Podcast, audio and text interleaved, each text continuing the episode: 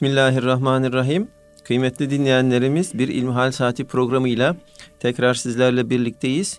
Yüce Rabbimizin selamı, rahmeti ve bereketi üzerimize olsun. Efendim sizlerden bize ulaşan İlmihal sorularına İstanbul Sabahattin Zaim Üniversitesi İslami İlimler Fakültesi hocalarından değerli hocamız Doktor Ahmet Hamdi Yıldırım e, cevap veriyor. Muhterem hocam, e, ilk sorumuz şöyle. Dinleyicimiz merhaba diyor. Günümüzde katılım bankalarının uyguladığı sukuk kira sertifikası sistemi caiz midir? Bir katılım bankası fonlarına para yatırmayı düşünüyorum. Fonların caizlik belgesine baktığımızda Halil Gönenç hocanın da imzası var. İsmail Afetva hocalarının sukuk meselesi caiz değildir diyor. Kafam iyice karıştı. Bu konu hakkında nasıl hareket etmeliyiz diye soruyor. Buyurun hocam. Elhamdülillahi Rabbil Alemin ve salatu ve selamu ala Resulina Muhammedin ve ala alihi ve sahbihi ecmain. Önce şunu ifade etmek lazım gelir ki Hz. Peygamber aleyhissalatü vesselam Efendimiz helal açıktır, haram açıktır.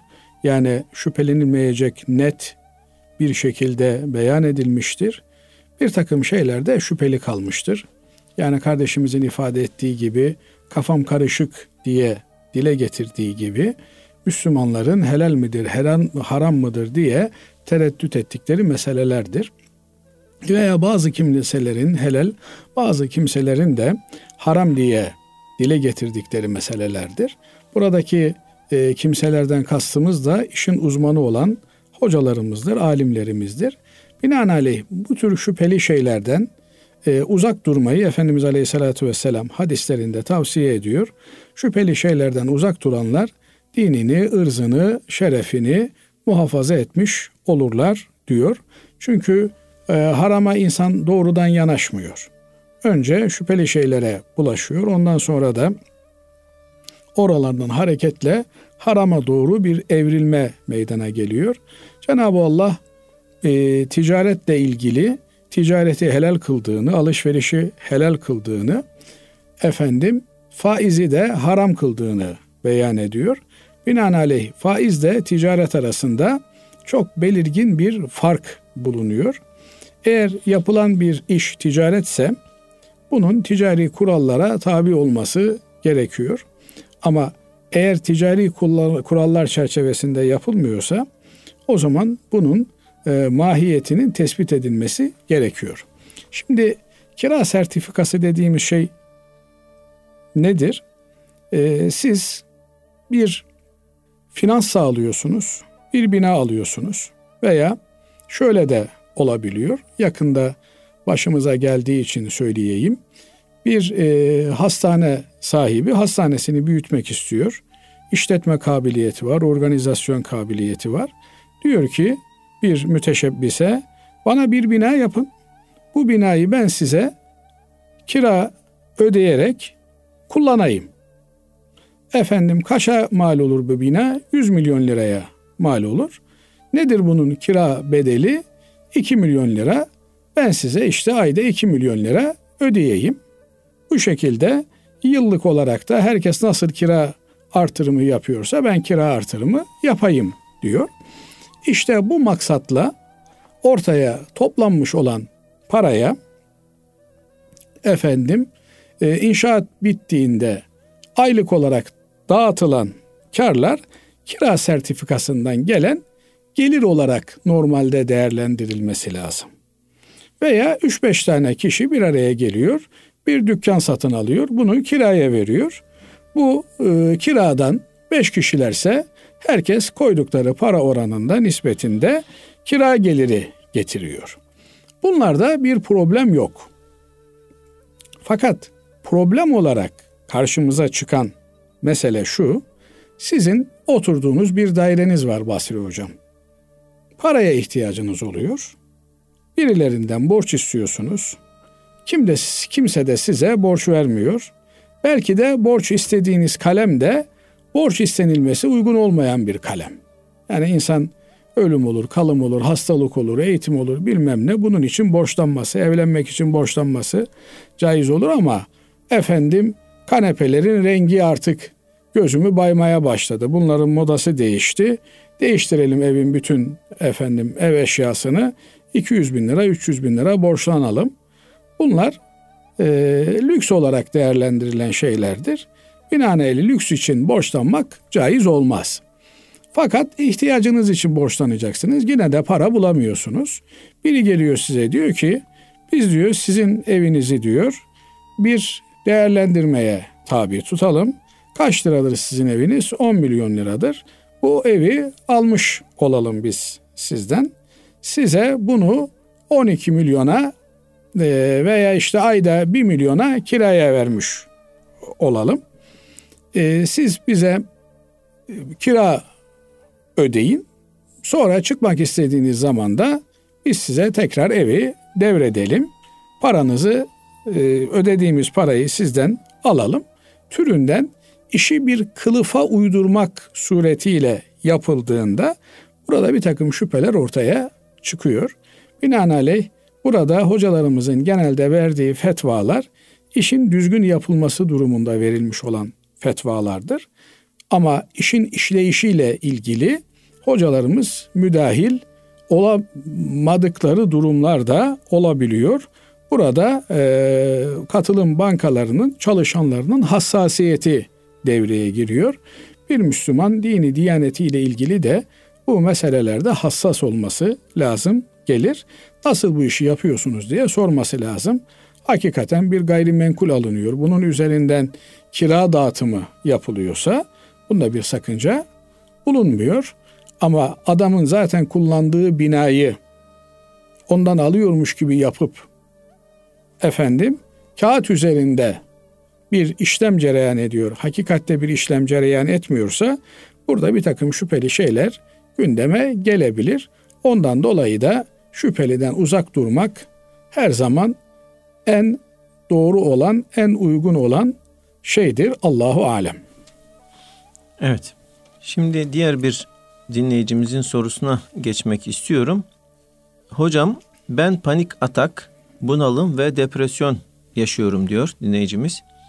Bunun için hangi duaları ve ayetleri okumalıyım? Bir de okuyacağım ayetleri ve duaları suya ve kendime üflesem olur mu ve tesir eder mi diye soruyor. Evet bu kardeşimizin okuyacağı en büyük dua feselu ehle zikri zikir ehline, işin uzmanlarına, tahassus ehline müracaat etmek olmalı. Psikiyatrlara, psikologlara görünmeli. Bunlar e, efendim çok ciddi rahatsızlıklar sonrasında e, önü alınamayacak bir takım e, uçurumlara insanı götürebilir. Unutmamak gerekiyor ki biz insan olarak, mümin olarak madde ve mana üzerinden hareket etmek durumundayız. Yani nasıl bir insanın kalkıp kalkıp da ben namaz kılmaya ihtiyaç duymuyorum, benim kalbim temiz diyerek Müslümanlık yapması mümkün değilse ben sadece Kur'an okuyarak tedavi olacağım, doktora gitmeye ihtiyacım yok demesi de aynı şekilde eksik bir davranış olur. Binaenaleyh bir Müslüman hem işin esbabına tevessül etmeli, yani tedbirini almalı, doktoruna gitmeli, maddi alemde de ihtiyacının karşılanması için seferber olmalı. Efendim nerede iyi bir doktor varsa, nerede iyi bir psikiyatr varsa ona gözükmeli. Görünmekten de tereddüt etmemeli. Efendim ben deli miyim, ben şu muyum, ben bu muyum diye de bir takıntı haline getirmemeli. Maalesef ülkemizde ve benzer toplumlarda e, hala böyle bir bakış açısı söz konusu olabiliyor. Adam sinir kontrolü yok. Yani kızdı mı her şeyi dağıtabiliyor. Bu kimsenin de bir psikiyatra gitmeye ihtiyacı var. Kendisini nasıl sakinleştireceğini bilmesi gerekiyor. Nitekim Efendimiz Aleyhisselatü Vesselam'a e, geçmişlerin ve geleceklerin ilmi verildiği için bu tür bilimlere de vakıftı. Onun için diyor ki biri sinirlendiğinde abdest alsın diyor. Çünkü başına su değdirdiğinde, ıslak elini başına vurduğunda bugünkü araştırmalar söylediğine göre insan bir rahatlama meydana geliyor. Ayaktaysa otursun, oturursa ayağa kalksın. Hareket terapisi buna deniliyor. Pozisyon değiştirince insandaki o sinirlilik hali gidiyor. Binaenaleyh aslında bizim Kur'an'ımızda ve kitabımızda olan bir takım şeylerin biz e, bilimde öncülüğü kaybettiğimiz için e, bu noktada e, işin uzmanları bunları almışlar, kullanmışlar ve tereciye tere satıyorlar ama tereci nihayetinde e, neyin sahibi olduğunu bilmiyorsa yapacak başka bir şey yok.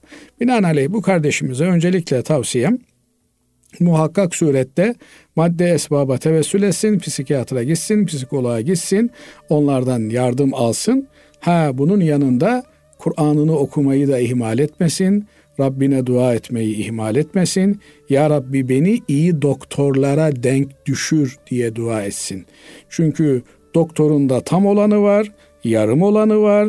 Yarım doktor candan eder, yarım hoca dinden eder diye de halkımızın çok güzel bir ifadesi var. Bu meselenin e, önemine binaen tekrar dile getirmek istiyorum. E, Allah'tan iyi insanlarla karşılaşmayı dilemek lazım. Özellikle de bu tür psikolojik rahatsızlıkları olan kimseler bir an kendisine karşı yapılan olumsuz bir hareketle bir e, strese girebiliyor, e, depresyona girebiliyor, e, birden e, ondaki bir takım e, bastırılmış olan duygular ortaya çıkabiliyor, akut bir hal söz konusu olabiliyor.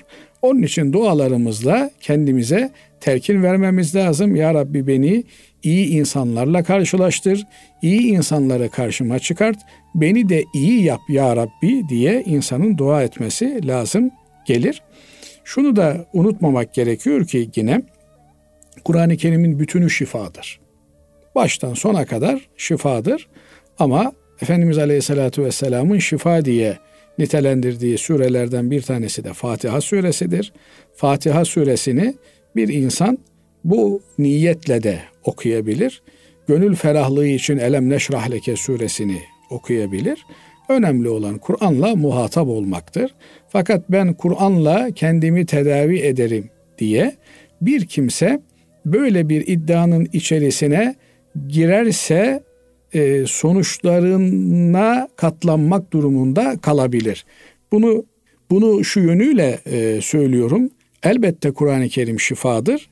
Fakat Kur'an'ın şifalığına muhatap olabilecek gönül kıvamına ermek gerekiyor. Bu yönüyle e, Kur'an'ın salt şifalığını yakalamak herkes için mümkün olmaz.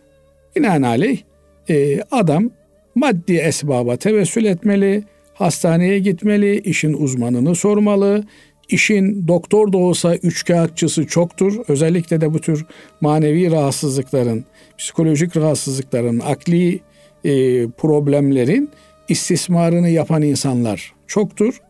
İnsanların e, tecrübelerine dayanarak işin uzmanlarına müracaat etmeli. Orada kendisine bir e, tedavinin, bir terapinin başlatılması önemli. Ha, bunun yanında elbette Cenab-ı Allah'a dua etmek, Kur'an-ı Kerim okumak, efendim sadaka vermek. Yani e, iyilik e, bin bir türlü terapi çeşidi var Basri Hocam. Mesela en önemli terapilerden bir tanesi iyilik terapisidir. İnsanlar başkalarına iyilik yaptıkça kendileri huzur bulurlar. Fakat özellikle de e, akut hale gelmiş, kronik hale gelmiş bir şeyi birdenbire bunlarla tedavi etmek e, kısa zamanda çözüm olmayabilir. Bundan dolayı mutlaka profesyonel destek almalı bu kardeşlerimiz. Ama bunun yanında eğer bu profesyonel desteği veren, bakın e, her ilim için değil ama sosyal bilimler için özellikle de psikoloji, psikiyatr gibi ilimlerde e, danıştığımız insanların, bu işin uzmanlarının bizimle aynı dünyanın insanı olmasına da dikkat etmemiz lazım. Adam şimdi e, Müslüman bir adama e namazda darlanıyorsan sen namaz kılma o zaman diyorsa burada o Müslümanı rahatlatmaz. Onu daha fazla bir çıkmazın içerisine koyar. Müslüman kafa yapısını, Müslüman ruhunu bilebilen bir insan olması lazım. Elhamdülillah günümüzde bu tür e, hizmet veren kardeşlerimiz de var. Onları bulup onlardan efendim e, danışmanlık hizmeti almalarını da tavsiye ederim. Allah razı olsun kıymetli hocam. Efendim şimdi iki soru e, soracağım sizlere. Çünkü birbiriyle bağlantılı bunlar muhterem hocam. Selamünaleyküm diyor dinleyicimiz. Evlilik şartı aranmayan ancak içerisinde alkol satılmayan bir otelde ya da günlük kiralanan bungalov tatil evlerinde çalışmak günah mıdır? Bir diğer dinleyicimiz buna benzer olduğu için onun da sorusunu okumak istiyorum. Sadece konaklama ve kahvaltı hizmeti veren yaklaşık yüzde 95 yabancı gayrimüslim evli veya evli olmayan turistlerin konakladığı Kapadokya bölgesinde diye parantez içine almış otelde çalışmak caiz midir? Daha önce sordum caiz olmaz dediler. İşi bıraktım uzun süredir işsizim. Şimdi caiz olur. Eski zamanlarda han işletmeleri vardı. Gayrimüslimler de konaklıyordu gibi fetva veren de oldu. Kafam karıştı. Güvendiğim için size sormak istedim. Burada tebliğ yapma imkanımız da oluyor. Kesinlikle alkol satılmıyor, satılmıyor diyor. Şimdi e, hizmet sektöründe çalışmanın bir takım e, avantajları ve dezavantajları olabiliyor. Özellikle de şunu unutmamak gerekiyor ki bizi Cenab-ı Allah dünyaya kul olarak gönderdi. Kul demek önce efendisini memnun etmeyi hedefleyen insan demek. Yani insan önce Allah'ı razı etmeye, Allah'ın iradesine ram olmaya çalışmalı. Cenab-ı Allah'ın emirlerine ve yasaklarına riayet etmeksizin kalkıp da efendim bir takım şeyleri gerekçe göstererek, bahanelerin arkasına sığınarak insan kendisine bir yol açmaya çalışmamalı. Fakat biz e, hizmet sektöründe çalışan kardeşlerimize şunu söyleriz. Bir oteldir, efendim bu bongola tarzı evlerdir veya sosyal tesistir, şudur budur. Eğer burada görünen bir harama destek olma yoksa, çünkü Cenab-ı Allah günah ve haramda işbirliği yapmayınız diyor. Lojistik destek sağlamayınız diyor. Binaenaleyh haram işlenen bir ortama katkı sağlamıyorsak, efendim insanlar oraya e, eşini almış getirmiş olabilir, kızıyla beraber gelmiş olabilir, efendim e, barınma ihtiyacını karşılamak için oraya gelmiştir. Bunu görüyorsak bu zaten buradaki çalışan arkadaşlar gelen müşterinin tipinden daha doğrusu işletilen müessesenin yapısından kiralık mı hizmet verdiği yani saatlik mi hizmet verdiği yoksa günlük haftalık mı hizmet verdiği belli olur. Eğer saatlik hizmetleri yoksa burada insanların e, odanın içerisinde ne yaptıklarını araştırmamız, sormamız gibi bir şey zaten dinen yasak. Ama adam saatlik kiralıyorsa bir yeri o zaman orada bir soru işareti beliriyor demektir. Bu e, orada tekerrür eden bir hadise ise buna göz yummak, bunun bir insanın, bir Müslümanın gözünün önünde cereyan etmesi ve buradan gelen paradan da kendisine maaş olarak verilmesi bir Müslümanı rahatsız etmelidir. Ve bu rahatsızlığın neticesi de orayı bırakmalıdır diye düşünüyorum. Ama böyle bir şey olmuyor. Fakat elbette o gelenlerin içerisinde farklı niyetli olanlar olabilir, farklı kimlikte insanlar gelmiş olabilir. Onları biz bilmediğimiz sürece bizim e, bir mesuliyetimiz olmaz. Bilmek şöyle dursun, araştırıp tecessüs etmemiz de efendim kulak kabartmamız da doğru olmaz. Fakat bağırarak geliyorsa bir tehlike o zaman bunu da görmemezlikten gelmek Müslümanlıkla bağdaşır bir şey değil. Ama şunu da ilave etmek isterim ki bir insan çalıştığı muhitteki veya hizmet ettiği insanların karakterindeki efendim e, duyguları zaman içerisinde kendisine taşımaya başlar. Yani kendiniz gibi ehli namaz insanlarla beraber olmaya gayret eder. Onlarla hemhal olursanız sizde zaman içerisinde namaz zevki ilerler. Ama öyle değil de efendim e, giyimine kuşamına dikkat etmeyen, yani her haliyle Allah'la arasında bir mesafe olduğu görünen insanlarla hemhal olursanız, onların muhitinde biraz fazla vakit geçirmeye başlarsanız, sizde de dini hassasiyetlerin zayıfladığı görülür. Ondan dolayı Cenab-ı Allah sadıklarla, salihlerle beraber olmamızı, iyi insanlarla hemhal olmamızı bizlere emreder. Çünkü iyilik de kötülük de bulaşıcıdır. Tıpkı virüslerin, mikropların bulaştığı gibi binaenaleyh bir insan kimlerle oturup kalktığına da bu yönüyle dikkat etmeli. Bunu da kaçırmamalıdır ve mutlak surette bir denge kurmaya çalışmalıdır. Yani bakıyorsunuz işte kardeşimiz diyor ki başka bir sektörde iş bulamadım.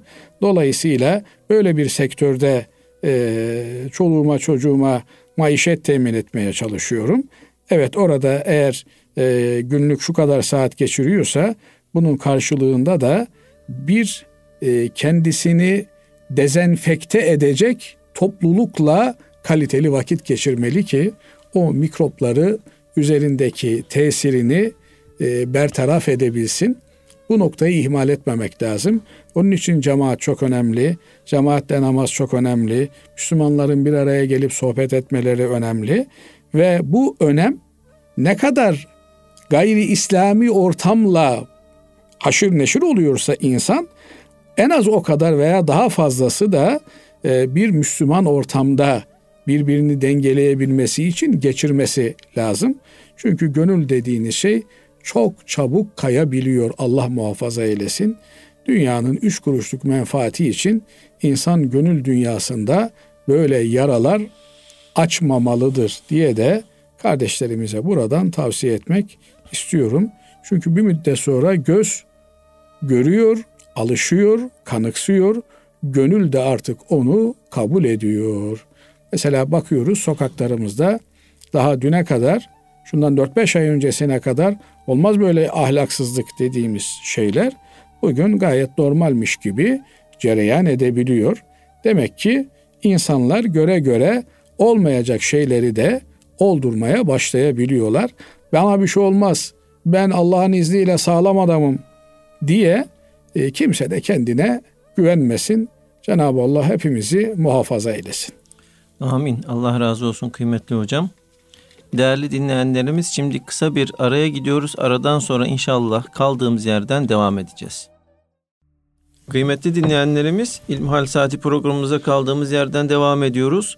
Sizlerden gelen sorulara değerli hocamız Doktor Ahmet Hamdi Yıldırım cevap veriyor. Muhterem hocam dinleyicimiz şöyle bize yazmış. Selamünaleyküm diyor. İngiltere'de e-ticaret yapmak istiyorum ama vergi ödenmesi lazım ve bunun içinde şirket açılmalı.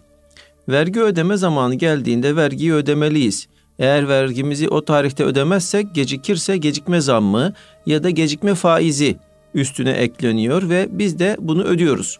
Böyle bir durumda şirket açmak caiz mi ve faize düşmüş olur muyuz? Ne yapmalıyız?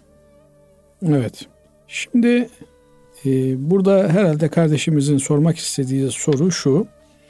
E, bir şirket kuruyorsanız bu tür ihtimaller var. Bu tür ihtimaller e, var diye şirket açmamız mahsurlu olur mu? Efendim yolda gidiyorsan düşebilirsin. Efendim yukarıdan bir başına tuğla da düşebilir. O zaman yolda gitmen doğru mudur değil midir? Türünden bir suali de burada e, konuşmak mümkün. Bu gibi durumlarda biz galibi zan dediğimiz yani yoğun ağırlıklı kanaate göre hareket ediyoruz. Eğer siz bir işe teşebbüs ettiğinizde orada faize batacağınızı efendim e, veya işte e, bataklığa düşeceğinizi yüzde yetmiş gibi yüzde altmış gibi öngörüyorsanız o zaman böyle bir işe teşebbüs etmeniz doğru olmaz. Bir misal verecek olursak efendim paranız var bugün faturanızı yatırırsanız cezasız olarak ödeyeceksiniz. Ama e, eğer bugün yatırmazsanız cezaya düşeceğiniz belli. O zaman faturanızı bugün yatırmanız doğru olan davranıştır. Aksi halde cezaya kasıtlı olarak düştüğünüz için Bundan siz mesul olursunuz. Yine fizibilitesini tam yapmadığınız, bilmediğiniz bir işe teşebbüs ederseniz bu işte yüzde 60, yüzde 70 başarısız olacağınız ve işi batıracağınız uzmanları tarafından gözde görülebilir bir şeydir. Dolayısıyla sizin böyle bir işi yapmanız doğru olmaz. Fakat bazen insan perdelenir. Perdelenince de çok başarılı olacağını düşünür. Maalesef başarılı olamaz. batar, başkalarının da batmasına sebep olur. Eğer burada bir kasıt yoksa Cenab-ı Allah hatalarımızdan dolayı bizi muahaze etmez, sorumlu tutmaz. Eğer kazaya, kazaya veya hataya bile bile düşmemiş isek. Buradaki kardeşimizin sorusu eğer sen işini yapabileceğini efendim e, faize bulaşmadan, cezalı duruma düşmeden ödemelerini yerine getirebileceğini öngörebiliyorsan, yüzde yetmiş, yüzde seksen benim öngörüm budur diyorsan, yüzde altmış en azından benim öngörüm budur diyorsan, böyle bir işe teşebbüs etmen senin açından bir problem teşkil etmez. Çünkü her türlü ticarette, alışverişte bir risk oranı vardır.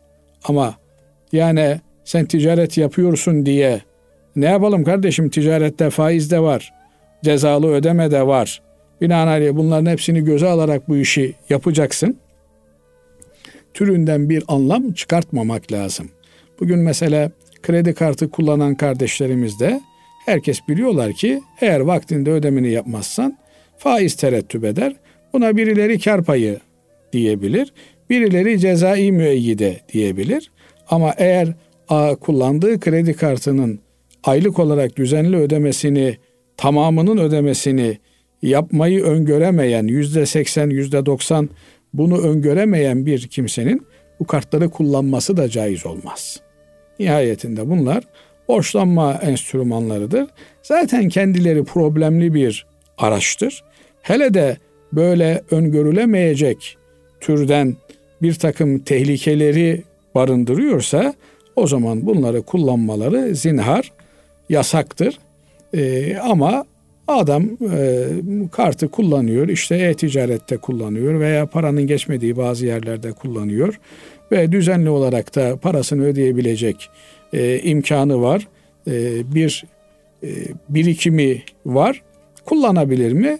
Eh ihtiyacı varsa ihtiyaçtan dolayı kullanabilir diyoruz. Çok da böyle matrah bir şey değil. Buradaki şirket meselesi de böyle. Eğer e, tehlikeyi yakın görüyorsa, faize bulaşmayı, cezalı duruma düşmeyi yüksek ihtimal olarak görüyorsa öyle bir işe bulaşması doğru olmaz. Evet. Şimdi diğer bir sorumuz şöyle. Selamünaleyküm. Şu an iş arıyorum tırnak içerisinde teknik ressam ilanı veren iş yerlerine başvuruyorum. Sorum şu. Ne kadar ücret talep etmeliyim? Hem meslek lisesi hem meslek yüksekokul mezunuyum. Bilgi verirseniz sevinirim. Ölümü gösterip sıtmaya razı ol diyenlerle nasıl mücadele etmeliyim? Belirli bir meslek alanında yetişmiş işçi, tekniker gibi kişilerin maaşları nasıl hesaplanacak? Bu konuyla ilgili bilgi verir misiniz?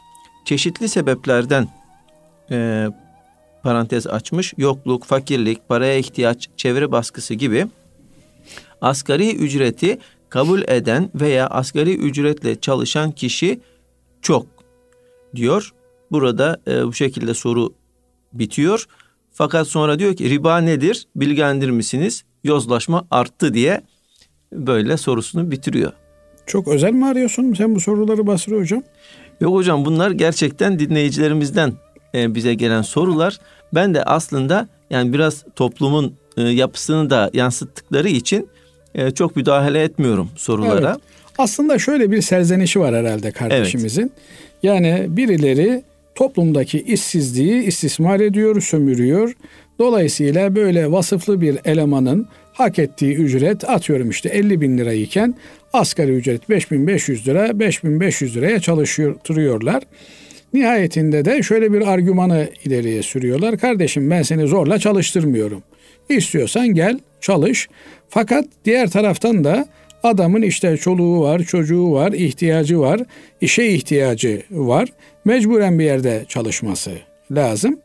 Böyle bir durumda burada bir istismar olmuyor mu? Yani bu kadar vasıflı bir eleman, teknik ressamım ben. Teknik kısmının ayrı bir e, getirisi olmalı. Resim kısmının ayrı bir getirisi olmalı. İkisini topladığında normalde aslında iki maaş kadar bir maaş etmesi lazım. Yani tabii maaşlar nasıl teknik ressamın maaşı hesap edilir edilmez onu bizim bilecek halimiz yok. Ben teknik resimle ilgili bir malumata sahip değilim. Fakat şu kadarını söyleyebilirim. Yani değerli kardeşim piyasada işçi ücretleri, hizmet sektöründeki ücretler arz ve talep dengesine göredir. Mesela e, memleketimizde hizmet sektörünün maalesef ücretleri düşüktür. Niye? Çünkü hizmet sektöründe bolca çalışabilecek vasıfsız eleman bulunuyor.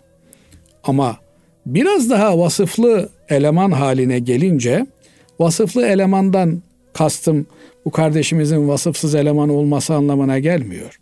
Eğer bir vasıflı eleman da fazlaca bulunuyorsa piyasada yani mesela 100 tane teknik ressama ihtiyacı var bizim şehrin. Orada 200 tane teknik ressam varsa o 200 tane teknik ressamın alacağı ücret maalesef düşmek durumunda kalıyor. Niye? ihtiyaçtan fazla piyasada bir arz var. Ama yani şehirde 10 tane temizlik hizmetçisine ihtiyaç var. 2 kişi var. Bu iki kişi üzerinde çok fazla bir talep olacağından dolayı onların ücreti teknik ressamların ücretini geçebilir. Bakın aynısı başka bir sektörde Türkiye'de oldu. Rehabilitasyon uzmanları bir dönem mumla aranıyordu. Hakikaten uzman doktorlardan daha yüksek ücret aldıkları söz konusuydu.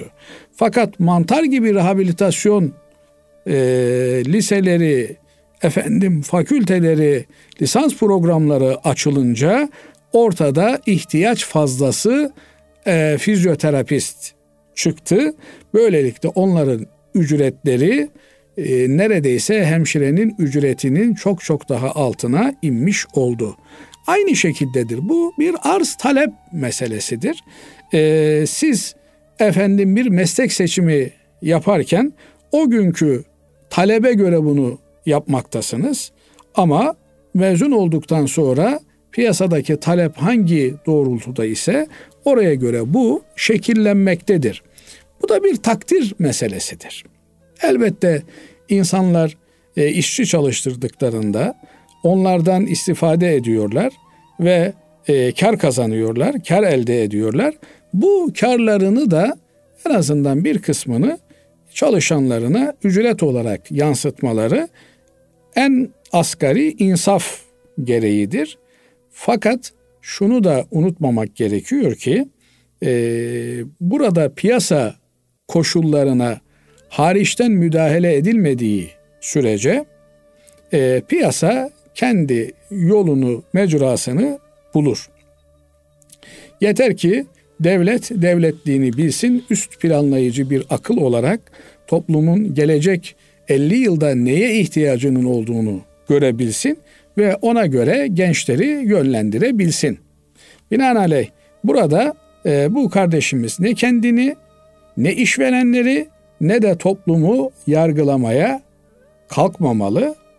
Kendine münasip bir iş bulmalı.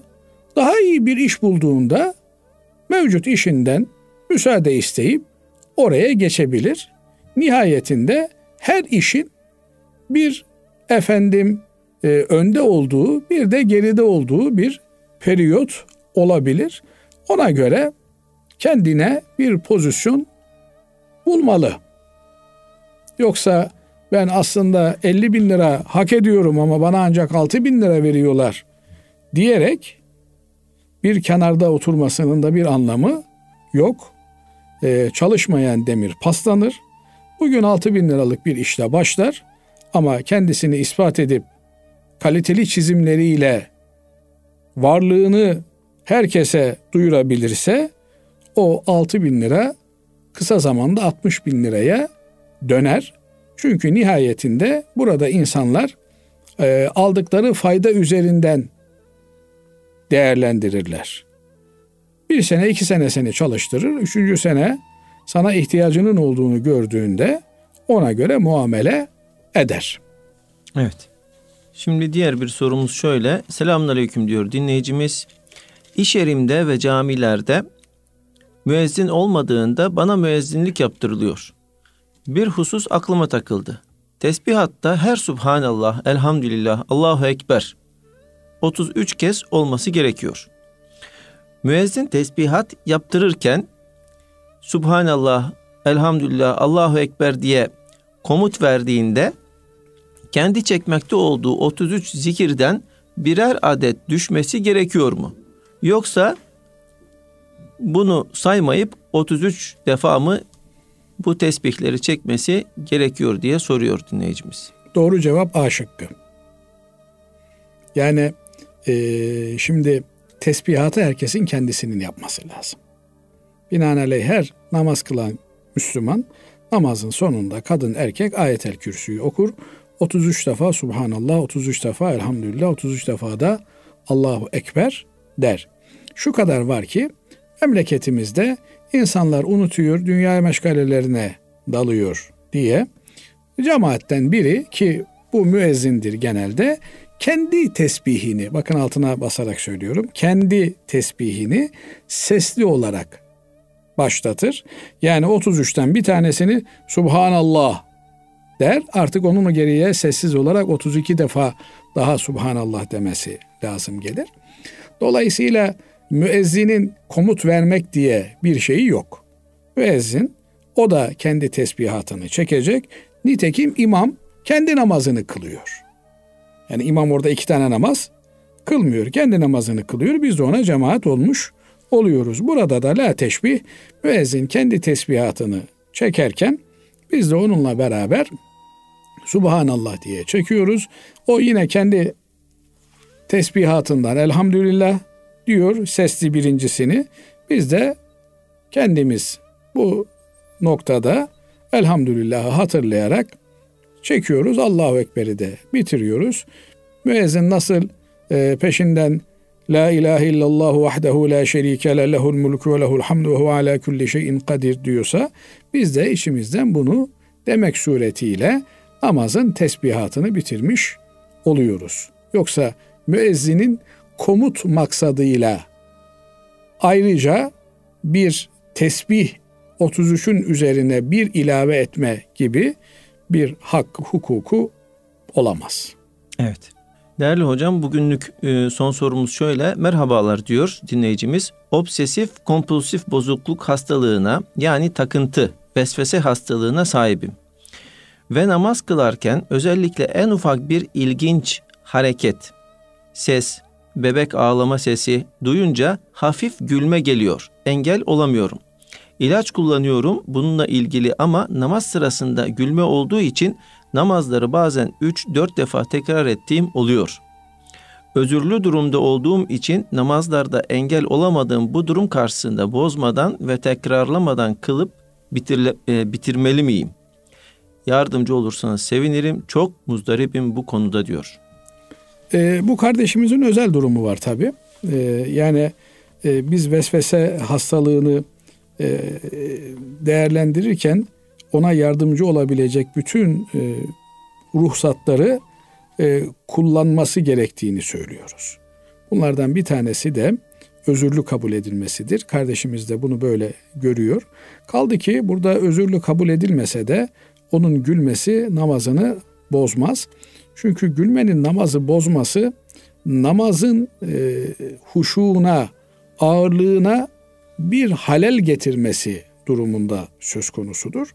Burada ise kardeşimiz gayri iradi olarak yani kendi isteğiyle yaptığı bir şey değil, bir takıntı haline gelmiş. Artık nasıl bir travma meydana gelmişse e, mazisinde, hikayesinde böyle bir takıntıdan dolayı istem dışı bir tepki veriyor. Ama e, bu meseleyi yine tedaviyle tedavi etmek suretiyle çözmeye çalışacak. İkinci bir nokta da e, kendisini uyaran şeylerden uzak bir mekanda namaz kılmayı tercih etmeli. Yani biri önünden geçiyor, bir ses duyuyor, kuş sesi duyuyor, efendim çocuk sesi duyuyor. Bunlar onda bir uyaran etkisi yapıyorsa bu tür harici uyaranların, dış etkenlerin, etmenlerin olmadığı bir ortamda namazını kılmaya gayret etmesi gerekiyor. Ama e, öyle bir ortam bulamadı veya e, işte e, öyle bir ortamda olduğunu düşündüğü halde oraya da böyle bir e, harici uyaran musallat olduysa e, o zaman yapacak bir şey yok. Namazını kılacak. Bunun özel durumundan dolayı bu hareketi namazı bozan bir hareket olarak değerlendirilmez. Yani namazı bozan hareketler kişiyi namaz dışı gösteren hareketlerdir. Normalde dışarıdan bakıldığında bu adam ne yapıyor diye tereddüt ettiğiniz bir kimse namaz kılmıyordur. Ama bu adam namaz kılıyor diye anladığınız, bildiğiniz bir kimse namaz kılıyordur. Bunun kabaca e, tanımı, tasnifi budur.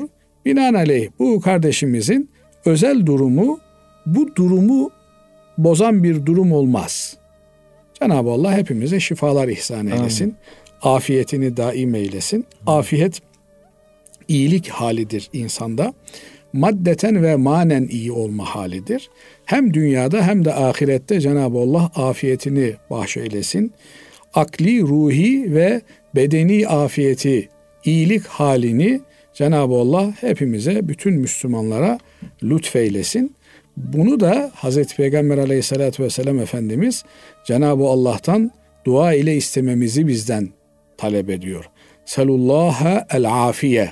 Allah'tan afiyet isteyiniz diyor. Akıl, ruh ve beden sağlığımızın iyi olmasını hem dünyada hem ahirette. Dünyadaki işte bildiğimiz anlamıyla beden, ruh, beden sağlığı, e, akıl sağlığı anlamınadır. Ahirette de insanın günahsız olarak çünkü günahlar insanın aklını, ruhunu ve bedenini de kirletirler. Binaenaleyh afiyetin ahirete, iyilik halinin ahirete yönelik olanı günahlardan arınmaktır. Günahlardan uzak kalmaktır. Bir insan bu yönüyle de e, özellikle toplumsal günah dediğimiz şeyler. Bir bireysel günahlar vardır bir de toplumsal günahlar vardır.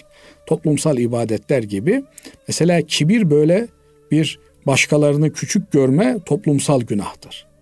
Birini böyle e, hakaret edercesine bakarsın, küçük görürsün, değersiz görürsün.